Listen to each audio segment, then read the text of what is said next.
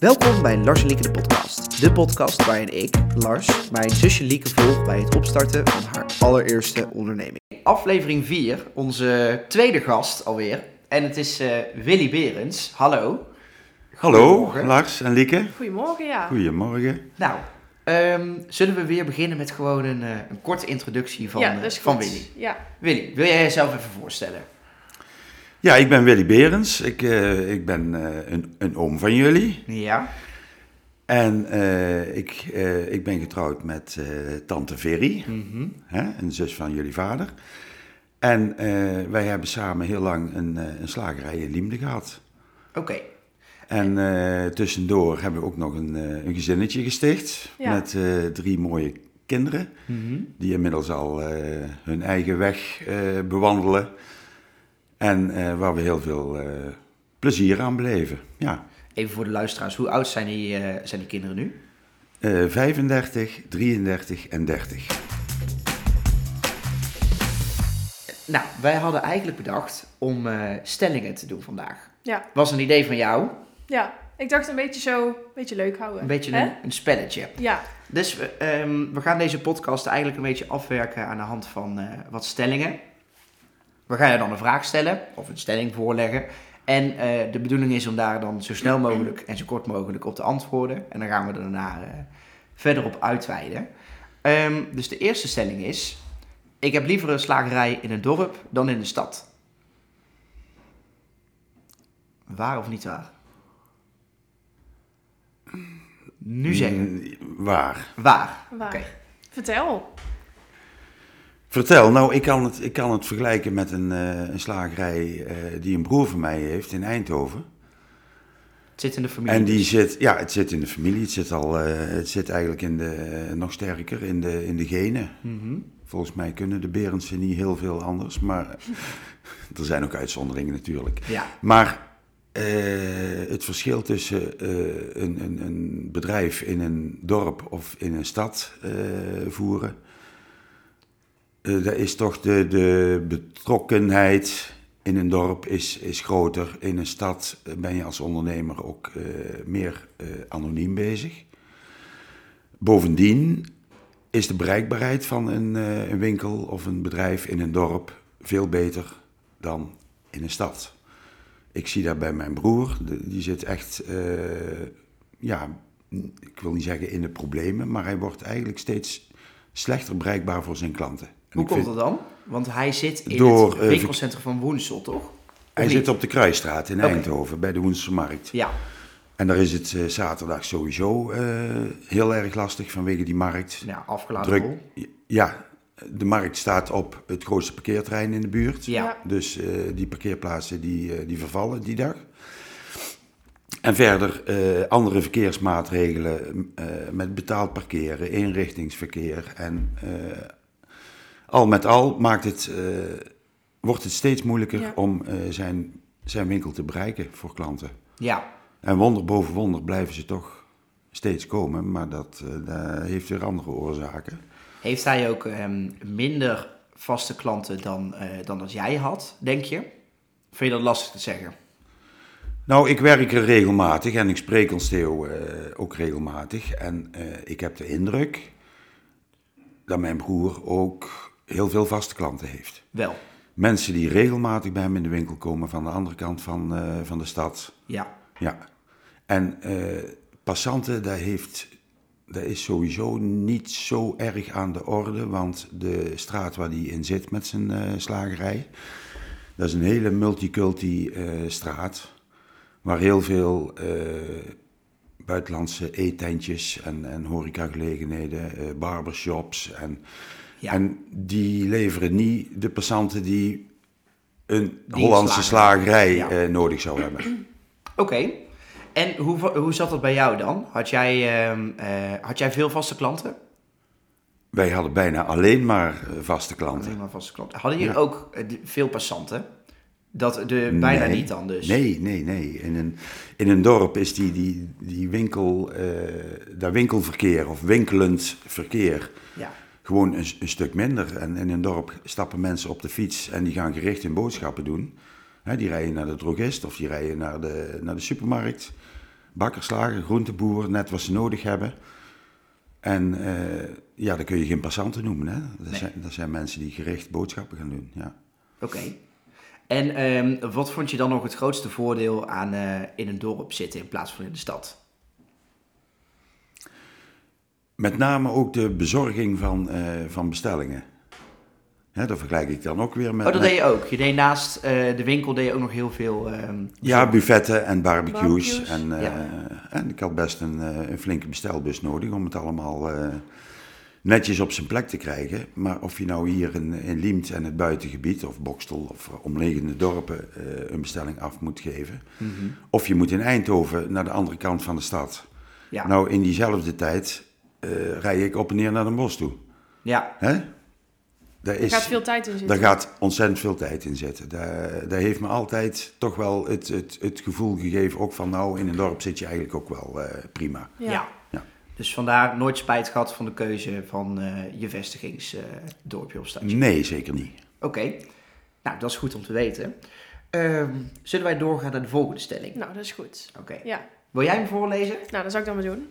Eh, we hebben hier als volgende stelling: franchise is dé manier om een bedrijf te starten. Wat vind jij daarvan? Eh, franchise kan een hele goede steun in de rug zijn. Maar ik zou, voordat je daaraan begint, jezelf toch ook wel eens heel goed afvragen van wat zijn mijn capaciteiten, wat zijn mijn eh, wensen, wat wil ik graag en wat wil ik, wat wil ik bereiken. Eh, franchise kan heel veel eh, zorgen ontnemen. Maar als je daar geen gebruik van maakt en je steekt die energie zelf in, in, in bepaalde werkzaamheden, eh, boekhouden, reclame maken, dan, dan kun je daar al heel veel geld mee besparen. Kost natuurlijk ook extra tijd. Hè, maar als je een eigen bedrijf begint, dan moet je ook zeker niet denken dat je met 40 uur in de week eh, je kostje kunt verdienen. Nee. Nee. Want dat is, eh, ja, dat is een illusie. Even voor de luisteraars. Ik, heb even een, eh, ik kan me namelijk voorstellen dat niet iedereen weet wat franchise nou precies is. Ehm, dus ik heb even de definitie opgezocht. En ik ga hem nu gewoon even voorlezen. Dan, degene die dan geen bedrijfskunde studeren of geen retail en ondernemerschapsmanagement, Ja. iets in die richting. Ja, goed? Ja, heb ik het goed? Oké. Ehm, nou, de franchise, eh, de definitie van op eh, Wikipedia, die luidt...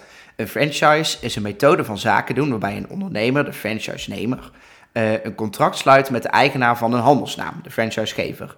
Die, franchise, eh, ne- die franchisenemer het recht geeft om tegen betaling een zaak met die handelsnaam te exploiteren. Kort gezegd, jij bent naar Keurslager gegaan, je hebt geld neergelegd waarschijnlijk, Ja, om de, de, eh, de naam Keurslager te mogen voeren. ja. dat begint met een eh entree-fee. Ja, Die, eh, die iedere ondernemer die bij een, eh een franchise-organisatie gaat, moet betalen. En daarnaast een, een maandelijkse bijdrage. zaten er ehm, standaard eisen aan het zijn van de Keurslager? Eh, voordat je keurslager wordt, eh, wordt je bedrijf eh, echt wel grondig beoordeeld. Ja, Het is natuurlijk de, de, de kracht van keurslager, maar van, van heel veel andere franchise-organisaties is een sterke uitstraling, een goede kwaliteit. En eh, als je leden toelaat die zich niet aan de regels houden, dan ondermijnt dat de, de formule. Ja. Hè, Een ketting is zo sterk als de zwakste schakel. En die zwakste schakel, die moet je er niet tussen hebben, want dat, dat doet... Ja, dat doet heel de naam eh, tekort. Ja, Ben je wel eens ehm, eh, ergens bij een keurslager geweest, wat dan niet jouw keurslager was en ook niet de keurslager van je broer, waarvan je dacht, nou, wat gek dat die er ooit is bijgekomen? dat heb ik wel eens ooit gezien. Ja? Ja, ja als je zo een keer op vakantie aan de andere kant van het land bent Ja. en eh, je ziet dan, dan let je als slager toch op eh, let colle- mee collega-slagers, Ja. keurslager of niet. Maar eh, ja, soms, soms denk ik wel van potverdorie, dat had toch wel eens een beetje beter gekund. Maar eh, Nou, Keurslager had het toch redelijk goed in de hand hoor. En kwam je zie toch je niet vaak. Eigenlijk. Zijn er aan, is dat aan het vlees of aan het assortiment wat ze hebben? Waaraan zie jij van, dat is een goede keurslager? Ja, waar wordt Nou, de, de, de, de uitstraling meteen, aan, aan de buitenkant kun je het al zien. Oké. De winkel moet er gewoon aantrekkelijk uitzien. Het moet er aantrekkelijk uitzien, het moet niet rommelig zijn. Er moeten geen dingetjes staan die er niet horen te staan. Hè. De- de- alles moet altijd netjes, netjes opgeruimd zijn. Dat is, ja. Ja. En als dat is, dat is eigenlijk al een... eh, ja, hoe, moet- hoe moet ik het zeggen? Eh, als, je, als je ziet dat alles rondom de zaak en, en in de zaak netjes opgeruimd is... dan is dat de manier van werken ook als je met vlees bezig bent. Ja. Hè, dan is dat ook netjes. En dan is waarschijnlijk die werkplaats ook netjes onderhouden en schoon. En, eh, En dan kun je ervan uitgaan dat het eten wat er ligt, dat dat goed juist, is. En dat juist, eet. juist, Ja. juist. Is, En de, de- ik kan me voorstellen dat je op hygiëne gekeurd wordt. Ehm, als je dus bij zo'n keurslagenvereniging gaat. Ehm, word je ook nog op andere dingen eh, gekeurd? Ik noem maar iets, de, de personeel. ehm, misschien opleiding van het personeel of de klantvriendelijkheid. diensten die je verleent. Jij zei, ik doe bezorgen. Moet iedere keurslager kunnen bezorgen? Wat zijn daar een beetje de, de Eh, eisen nou, wat de keurslagenvereniging betreft eh, is iedereen daar vrij in. Je, je moet niet bezorgen. Eh, als je eenmaal keurslager bent, dan eh, is het een hele tijd eh, geweest dat er een mystery shopper kwam. En Ja. dat is een hele goede, hele goede methode om, om leden van de vereniging te toetsen en kijken of de klantvriendelijkheid goed is. Hè, of de kwaliteit van de producten goed is, de, de verhouding prijs-kwaliteit. Mhm. Dat is allemaal af te lezen uit het eh, rapportje waar zo'n eh, mystery shopper maakt. En daar heb je heel veel aan. Maar jij wist eigenlijk meteen wie die mystery shopper was. Als jij zoveel vaste klanten had. Dat was inderdaad, Ja, dat is natuurlijk wel anders. dat was in onze winkel eh, ja, mak- makkelijker te Ja. herkennen. Voor jou was het een voordeel. Kijk, natuurlijk kwamen er ook wel ooit eh, vaste klanten. En dat is misschien ook wel leuk om te zeggen. Wij hebben eh, best lang erover nagedacht van gaan wij nou keurslager worden of niet. Want keurslager had in de tijd toen wij die keuze moesten maken eh, best wel een duur imago. Hoe, eh, hoe lang ben jij geen keurslager geweest? Van de 34 jaar denk ik dat ik 15 jaar geen keurslager ben Oké. geweest. Oh, en Ja. hoe, hoe heet het? eh, hoe, hoe heette de keurslager toen? Of ja, niet de keurslager, maar jouw slagerij. Wat was de naam? De Liemse Slachter. Ah, Ja. nooit geweten. Wij bestonden toen nog niet. De Nee, Liemse nee, Slachter, die naam die zou nou niet meer passen. Want Slachter heeft, denk ik, eh, door de tijd een beetje neg- negatieve eh, klank gekregen. Ja. Maar eh, dat was de naam die mijn vader voor de slagerij heeft bedacht. En Ja. toen ik het overnam, is dat Liemse Slachter eh, gebleven. Ja, En daarna zijn wij een tijdje eigen slager geweest. Dat was ook een, een, een marketingformule. Eigenlijk ook heel vrijblijvend, maar gewoon eh, een uitstraling met een logo. En, en ja, verder eigenlijk niet zo heel veel. Verpakkingsmaterialen in stijl. En, eh. Maar keurslager, waar wilde ik daar toch over zeggen? Ja, we hadden over de mystery guest. Oh ja, de mystery eh, shopper. Die zag je eigenlijk altijd meteen aankomen. Ja, ja, maar nou ben ik even de weg kwijt. Eh, Toen hadden we het over dat je natuurlijk altijd de Liemdenaren, de vaste klanten, wees je. Dus Oh ja, ja. eh, en toen kwam ik op eh, het, het, het punt van wij willen ons eigen ergens bij aansluiten. En dat heeft even geduurd voordat ik keurslager werd, Ja. vanwege het imago. En, Ja, ja. Nou, uiteindelijk hebben wij eh, die knoop toch doorgedacht, doorgehakt, gehakt. Ja. ja. Dat, hoort- dat hoort bij een slager.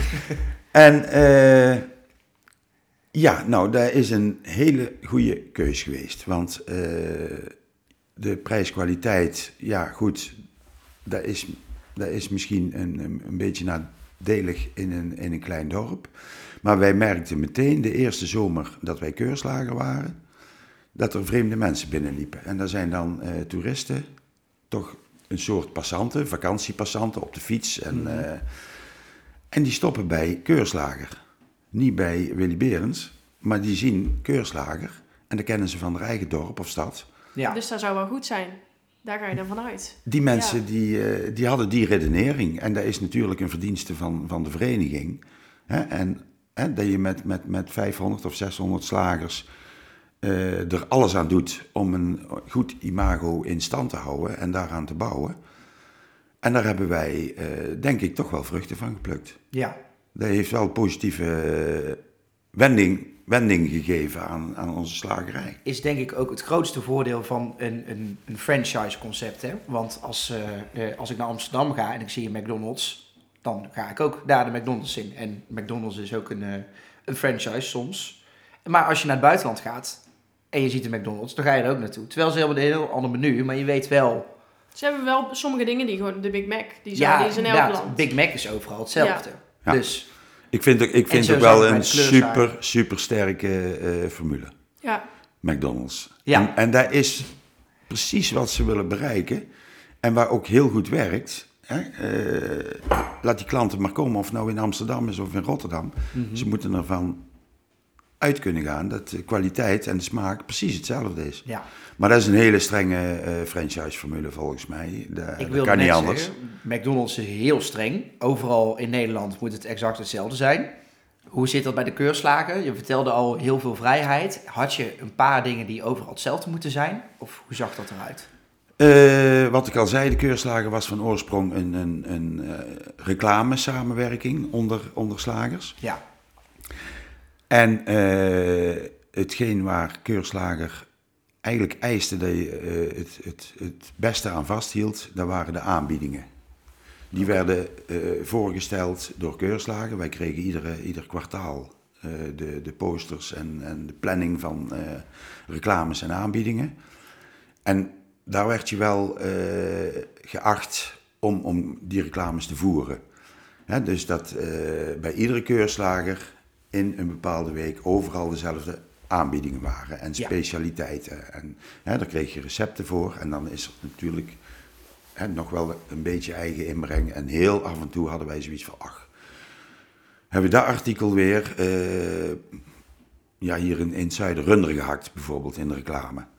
Nou, daar maakten wij half omgehakt van, want runder gehakt, daar zijn ze in het zuiden niet zo, eh, niet, niet zo lekker op. oké.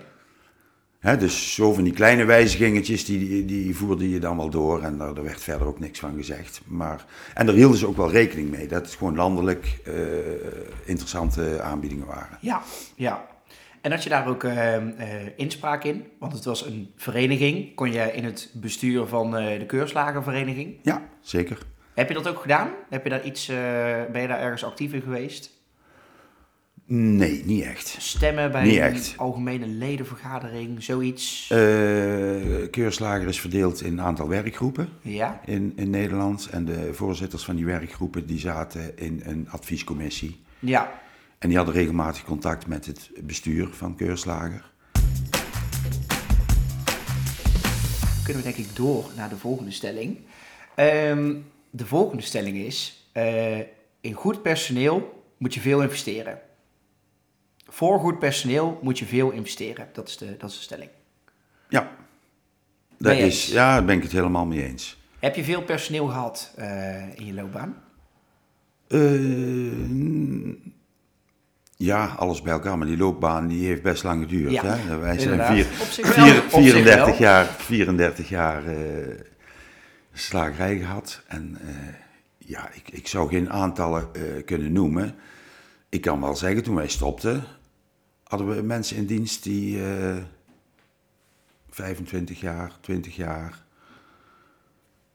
eh, Bij ons, bij ons in dienst waren. Dus Ja. eh, we hebben een, een, een, een groot deel van, van, van de tijd met eh, zeer betrouwbaar, eh, ja, goed personeel gewerkt. Ja, iedereen in het dorp natuurlijk ook altijd al kende. Dat vind ik ook altijd wel een mooi. Als je dan in de slagerij kwam, maakte eigenlijk niet uit of jij of Ferry er stond. Want als bijvoorbeeld Yvette er stond of zo, dan was het ook altijd... eh, Ja, het ja, was, Ja, ook- ook- nou? ook naar de klanten toe Het is dat. als eigen. Het voelde als eigen, ook al... Ja, zeker. En eh, die dames die er werkten, die, die, die hadden daar ook in de winkel zo van eh, de klantvriendelijkheid. En, en Ja. zorgen dat klanten zich welkom voelen. En eh, ja, Heb je, ehm, eh, vond je het soort lastig om personeel te hebben? Nee. Nee? Nee, ja. Nooit Hey, problemen gehad met... eh, Tuurlijk, er zijn, er, zijn, er zijn best wel eens ooit problemen met personeel. Maar eh, als je zegt van... eh, ik zou het zonder personeel willen doen. Nou, dan moet je toch wel ople- opletten waar je... ja. Ja. Even nadenken wat je zegt. Want dan... het werk moet toch gedaan worden, hè? ja, je kan Ja. ook bijna niet En, anders. nee, nee, als nee. je een Dat, winkel hebt. nee, dat gaat niet. En dan, eh, dan is het toch zaak dat je eh, ja, regelmatig een goed, goed gesprek hebt met je personeel. Ja. En dat dat hoeft niet per se eh, te gaan zitten en op- hè, op, op een avond eh, hè, officieel een gesprek hebben, maar dat kan ook onder het werk. En eh, hè, gewoon eventjes, eh, ja, gezellig met elkaar. En, en het, is, het is ook een kwestie van geven en nemen. Hè? Ja. Ja. Had jouw eh, personeel veel inspraak, denk je? Of vind je? Ja. Ja, volgens, volgens mij, eh, ja, afhankelijk van, van eh, hun eigen interesse in, in, in de producten. Maar die was er, die was er zeker.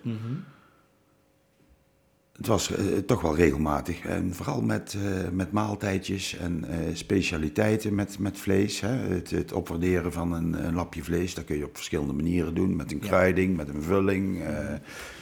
en daar, daar werd door het personeel ook wel aan, aan meegedacht. En af en toe kregen ze die opdracht ook van... nee, bedenk eens een keer iets anders, want het is al zo lang hetzelfde. Ja. En dan is dat ook wel leuk om te zien dat ze daar actief mee bezig zijn, dat ze dat leuk vinden. Tenminste, dat is onze ervaring altijd wel geweest. Ja, Ja.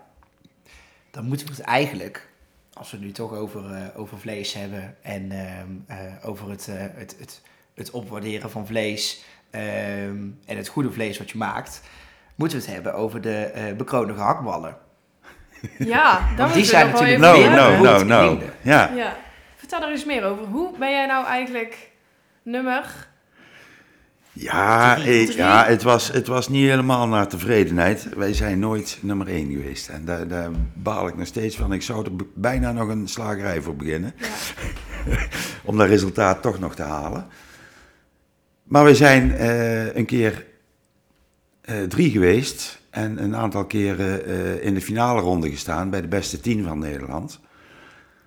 En nou, na die, de eerste keer dat we meededen met die wedstrijd, werden we meteen derdes. Nou, dat was hartstikke leuk en eh, daar hebben we meteen eh, ja, best wel leuke eh, reclame voor gemaakt. Oh, jullie vader heeft daar nog aan meegewerkt. En William van ons Oh, Mieke. Ja, hier Wij- staan we nog iets van bij. Ja, wij, wij hadden het idee, of ik had het idee, en daar heb ik Arthur, jullie vader en William bij gevraagd.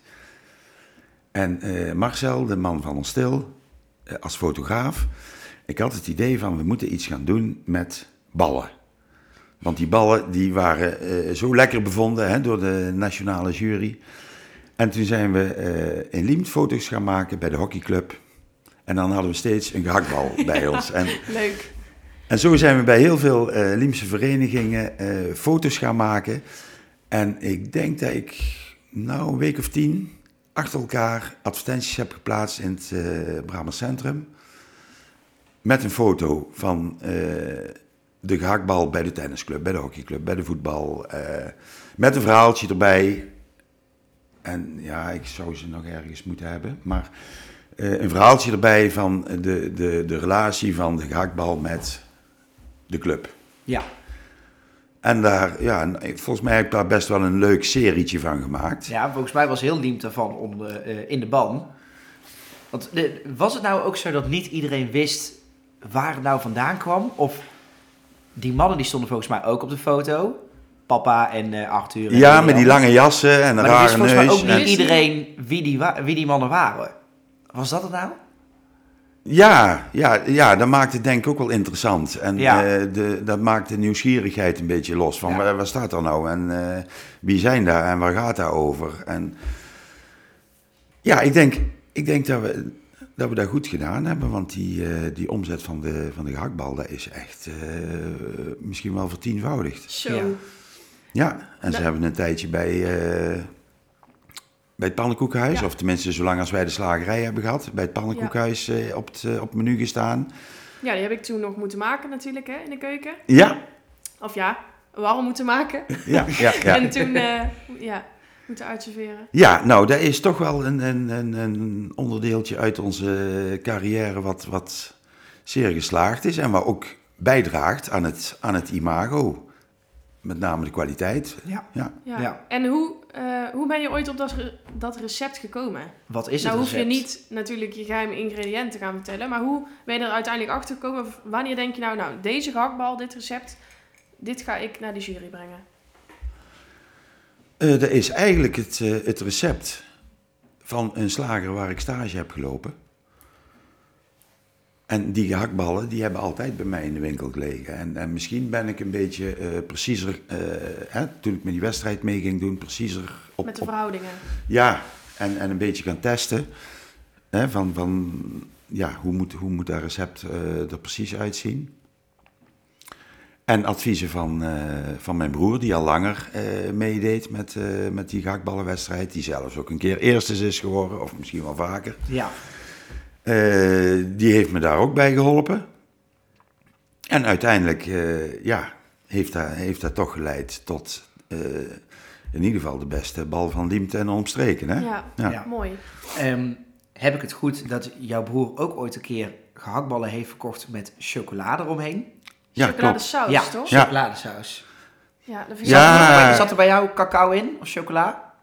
Of kun je dat niet vertellen? Ik kan me herinneren dat ik eh, s s'morgens een keer op de slagerij kwam en toen lagen daar, eh, ik dacht, truffels op, Ja. in, de Oh, ja. in de keuken op tafel. Ja, Ik denk, ah, lekker. En eh, ons Theo, die had, die, eh, die, had die, die had de sleutel van de slagerij. en Die kwam wel eens ooit eh, een bestelling van mij brengen, hè, waar ik bij hem besteld had. Ja. En toen had hij heel, heel trots daar die balletjes, gehaktballetjes met eh chocolade erom. En dat was gewoon hard geworden. Hè? Die balletjes die doopte niet in, eh, in warme chocola en die Ja. liet, liet hij daar stollen. Ja. Ik denk, ha, er ligt een truffel op tafel. Ik ben helemaal gek van truffels. En ik beet erin. Ik denk, ja, nee. dat is niet is mijn smaak. Dat is niet mijn smaak. En, en vlees met chocola is nog steeds niet mijn smaak. Nee. Eh, was was nee. het pure chocola of melkchocola? Pure Dat chocola, daar kan ik nog iets bij voorstellen. Dat was behoorlijk puur. Ja. Ja, ja. Ja. Maar dat is dus wel in de smaak gevallen bij de jury toen. Want daar is hij toch nummer 1 mee geworden? Eh, ja, volgens mij wel. ja. Ja, Want ik knap. dacht dat toen, eh, dat jij toen derde was. En ja, de twee broers stonden natuurlijk toen in de finale. Ja, ja, maar dat was een andere categorie. Hè? Dat was een, Oh, eh, een, een, een, zeg het eens, een, noviteiten, een, een, een variantenwedstrijd. Variant op de gewone, oh ja. Ja. de ordinaire Ah. gehaktbal. Ja. Dat was een, andere, een andere wedstrijd. Want als je het zo bekijkt, ligt een slagerij toch best wel dicht bij een horecagelegenheid. Ja, Dat je heel veel zelf moet maken. Het enige verschil is, je maakt het niet klaar. Je prepareert alles. ja maar wij, wij eh, verzorgden ook buffetjes. Ja, En dan Ja. heb je echt kant-en-klaar vlees met, met, eh, met groenten en rauwkost en eh, alles wat erbij hoort. Dus eh, de raakvlakken die zijn, die zijn heel breed. Ja. inderdaad. Ja. Nou, dan gaan we snel door naar het, eh, het laatste onderwerp. Ehm, als ik 18 was geweest, had ik het anders gedaan. Waar of niet waar? Eh, ja. Wat Waar. had je anders gedaan? Waar? Wat had ik anders gedaan? Eh, nou, ik. Ja, als je 18 bent, dan ben je ook nog niet volwassen. Hè? Ik denk dat ieder ondernemer, als die terugkijkt naar de beginjaren van, van, zijn, ondernemer, van zijn onderneming, dat hij dan denkt van potverdorie, dat had ik echt anders moeten doen. En ik had me harder op kunnen stellen hè, als het over, eh, over prijs gaat en over onderhandelen van... eh, hè, dan, eh, dan ben je eigenlijk veel te, veel te bleu. Ik, ik kan me nog herinneren dat ik eens ooit een... was ik een paar jaar slager... voor een buurtvereniging een, een barbecue moest, eh, moest verzorgen. En dat moest s'avonds avonds afgeleverd worden. Ik wil, en jij eh, blijft toch ook wel eh barbecuen, hè? Jij blijft toch ook wel het vlees bakken, hè? Ja, dat was eigenlijk niet de afspraak. En, eh, en dat doe jij wel voor niks. Ja, nou, dat, doe, dat doet het dan. Ja, En op zich, achteraf gezien, is het ook helemaal niet erg, want op die manier bouw je ook aan je klantvriend, of ja, de, de klantenbinding en, en, reputatie. en je reputatie, eh, imago. Maar dan kun je, dan kun je niet heel je, heel je carrière blijven doen, want dan ben je geen één avond meer thuis. En eh, hè, om dat zomaar Ja. gratis en, en voor niks te doen. Nou, daar zou ik, daar zou ik denk ik toch wel anders gaan benaderen als ik dat nog eens moest doen. Maar eh, wat, het, wat het vak betreft, heb ik helemaal geen spijt. Ik zou geen ander vak gaan doen. Of ik heb het altijd echt met heel veel plezier gedaan. En mijn creativiteit heb ik daar eh, goed kwijtgekund. Heb je wel eens bijvoorbeeld over nagedacht om eh, iets sneller uit te breiden? Of iets, ja, ik zeg maar iets. Bijvoorbeeld papa die zei in de vorige podcast van... Nou, ik had bijvoorbeeld iets sneller eh, de volgende stap willen zetten. Iets aan op willen schalen. Iets, op willen schalen, ja. Ik weet niet of jij daar ooit... Nou, dat had, je, dat had je misschien wel, wel gewild, maar je, moet- je moet daar ook de financiële middelen Ja. voor hebben. En heel belangrijk, eh, je moet jezelf ook afvragen, eh, wat zijn mijn capaciteiten? En word je gelukkig van opschalen ja. en groter en... eh, ja, daar had, daar, had ik, daar had ik niet zo'n behoefte aan. En dan had ik misschien nog wel een betere belegde boterham gehad. Maar ik, ik, nou, ik, heb, ik heb daar geen spijt van. En met name, je moet je bewust zijn van je eigen kwaliteiten en capaciteiten. En na vanhand moet je je bedrijf eh, voeren en inrichten. Maar dan is het dus, heb je het dus eigenlijk heel goed gedaan eigenlijk gewoon vanaf je achttiende, toch? Er valt niet veel, Ja. je hebt nou niet eigenlijk veel opgenoemd waarvan je dacht, nou dat had ik echt heel erg anders gedaan. Nee. kan- Behalve nee. dan in het begin net iets eh stekker in je schoenen staan misschien. Ja, Nou, ja, dat, ja dat dat is helemaal waar zo. dat Ja. is eigenlijk logisch toch? Ja, Dus ik denk bij iedere ondernemer. Ja. Ja, want het is, het is heel belangrijk dat je bewust bezig bent. Lieke, jij wilt een, eh, een bedrijf gaan beginnen. Mhm. En ja, dat zul je op school ook wel leren. Maar eh, echt een paar keer nadenken over van wat gaat er op me afkomen en, en wil ik dat wel? En eh, dat, is, dat is helemaal niet verkeerd. Nee, Hè? En dat, dat, dat kan ook heel erg motiverend werken. Want als je, als je geen beren op de weg ziet, dan, eh, dan is het prima. En dan eh, lekker gaan met, eh, met dat bedrijf.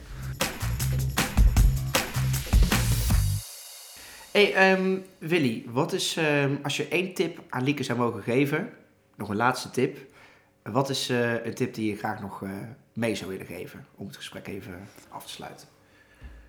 Oeh, ja. Een tip aan Lieke. Ja, ik, vol- volgens mij hoef ik Lieke niet zoveel, eh, niet zoveel tips te geven, want dat is een hele, een hele beide handen, beide handen meid.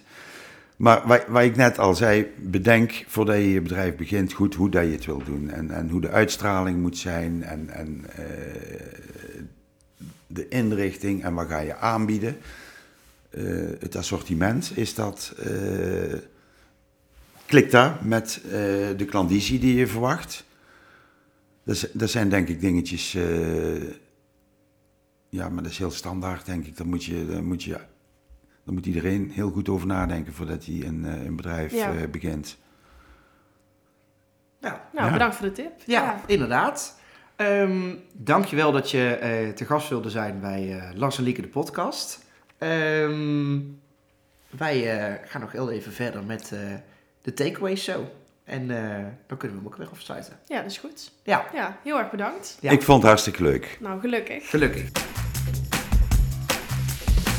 Nou, dat was hem dan, onze tweede gast. Ehm, we hebben het eigenlijk best wel veel gehad over franchisen. En misschien is het wel leuk om te vertellen. En, of ja, misschien, we gaan het gewoon zeggen.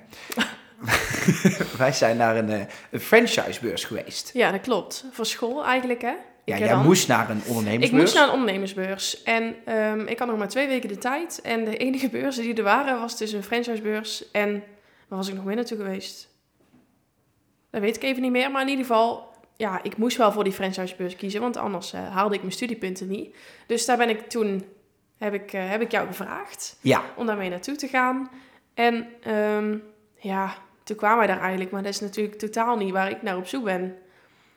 Nee, voor jou echt helemaal niks. Nee. Ik, ehm, als ik nou midden in de stad had gezeten met een pand, Ja, dan dat was het anders geweest. is sneller dan, hè? Want dan heb je, eigenlijk maakt zo'n franchisebeurs al de reclame voor jou. Snap je wat ik bedoel? Waar Ja. we met Ome Willy net ook al over hadden gehad. Ehm, het ontzorgt veel. Uh-huh. Je hebt een naamsbekendheid. Ik weet ook nog heel goed, wij waren wel heel interessant met ons pand dan voor, de, de, eh, voor sommige franchises. Want eh, wij hadden bijvoorbeeld een gesprek met Qualitaria. Gewoon, jij moest je ook mensen aanspreken. Ja, En eh, nou, wij raakten in gesprek met die mensen van Qualitaria. Eh, en die waren heel enthousiast. Die zagen het helemaal zitten om hier een frietent te beginnen. ja dat is echt... Nee, Ja, ja, en Maar dat is natuurlijk ik- niet wat jij, de- wat jij wil. Zo zonde, denk ik dan. Je moet hier juist... eh, ligt natuurlijk in het buitengebied en we hebben een boerderij. Ehm, dus je moet juist het gevoel geven dat je daar bent. Die vrouw die gaf jou, die vrouw die vroeg om jouw nummer. Je hebt een vals nummer ingetoetst. Erg, hè? Oh. Ja, maar ik raakte ook gewoon... zeggen. Ik moest natuurlijk van school gewoon... eh, ja, je moet daar dan leren. Dan in gesprek raken. En dan eh, op een gegeven moment... Zij, zij lulde mij zeg maar gewoon er helemaal uit. Ik kon op een gegeven moment uiteindelijk... Als ik mijn gewone nummer had doorgegeven... dan waren ze hier, hadden ze hier de volgende eh, dag op de stoep gestaan, zeg Ja. maar. Van, hi, jij wilde een kwaliteit. Ja. ik kon gewoon echt... En zei ze, ja, wil je dan je e-mailadres en eh, eh, nummer opschrijven? Dus ik had dus mijn e-mailadres eh, niet goed opgeschreven. En mijn nummer had ik dus ook niet goed opgeschreven. Ik had twee letters, op, Ja. twee cijfers omgedraaid. Ja, het was echt... ik zag het ook gewoon helemaal niet zitten, maar die meid die zag het helemaal zitten. En ik dacht, wie gaat er nou een kwalitaria beginnen hier in het buitengebied? Ja, nee, da- daar gaan we niet doen inderdaad. Nee, dat is Ehm, echt... eh, En eh, de, nou, we raakten volgens mij ook nog in gesprek met iets van een advocatenbureau of zo. Oh, dat kan ik me eigenlijk al helemaal niet die stonden er ook in ieder geval. Het was niet alleen maar horeca. Er stonden ook, ehm, volgens mij, fiscalisten of advocatenbureautjes. Kon je ook franchisen, wist ik niet eens dat dat kon. Maar Nee. eh, je kan tegenwoordig echt alles franchisen. Dus ehm, jij gaat echt ehm, een een franchise nemen, is dus eigenlijk een beetje een afweging tussen je vrijheid en je zekerheid. Een beetje het ondernemingsrisico. Snap je wat ik bedoel? Een, een, een McDonald's gaat toch altijd wel lopen, Ja, trekt klanten aan, ja, maar de vrijheid die je er hebt is beperkt. ja. En jij weet niet zeker of het gaat lopen. Hè, Het zal de eerste dag wel Nee, druk klopt. zijn, denk ik, want heel het dorp komt natuurlijk langs. Ja, Maar of ze daarna terugkomen is een tweede. dat is het tweede, ja. Ja. Ehm, dus, eh, maar jij gaat iets meer voor je vrijheid en iets minder voor je zekerheid. tussen Ja, ik vind, dat, ik vind dat het gewoon niet waard, zeg maar. Nee. Franchise. Ik zou hier ook, ja, hoe zeg je dat nou? Ik vind dat zonde van het pand. Ja, Ik vind dat je daar een eigen taste, zeg maar, aan moet geven. En ik vind niet dat je daar dan al...